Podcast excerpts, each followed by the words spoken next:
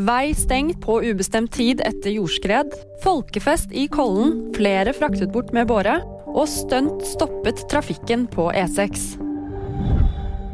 Vei stengt på ubestemt tid etter jordskred. Geoteknikere har undersøkt jordskredet i Flatanger i Trøndelag og melder at det fremdeles er bevegelse i rasområdet.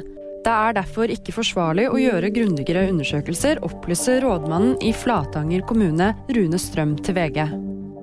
Veitrafikksentralen melder at veien blir stengt i minst en uke. Fullt trøkk i Kollen. Flere fraktet bort med båre. Over 24 000 møtte opp til folkefesten i Holmenkollen da femmila gikk av stabelen lørdag.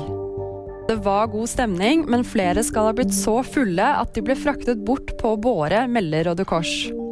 Et fåtall er sendt videre til legevakt eller sykehus for sjekk. Til tross for en del ordensoppdrag melder politiet at alt gikk egentlig ganske så greit. Politiet ber likevel foreldre om å følge opp barna sine etter arrangementet grunnet overberuselse. Biler stoppet trafikken på E6 i Oslo. Lørdag ettermiddag ble bilister ufrivillige tilskuere til det som skal ha vært en uanmeldt musikkvideoinnspilling på E6 ved Furuset.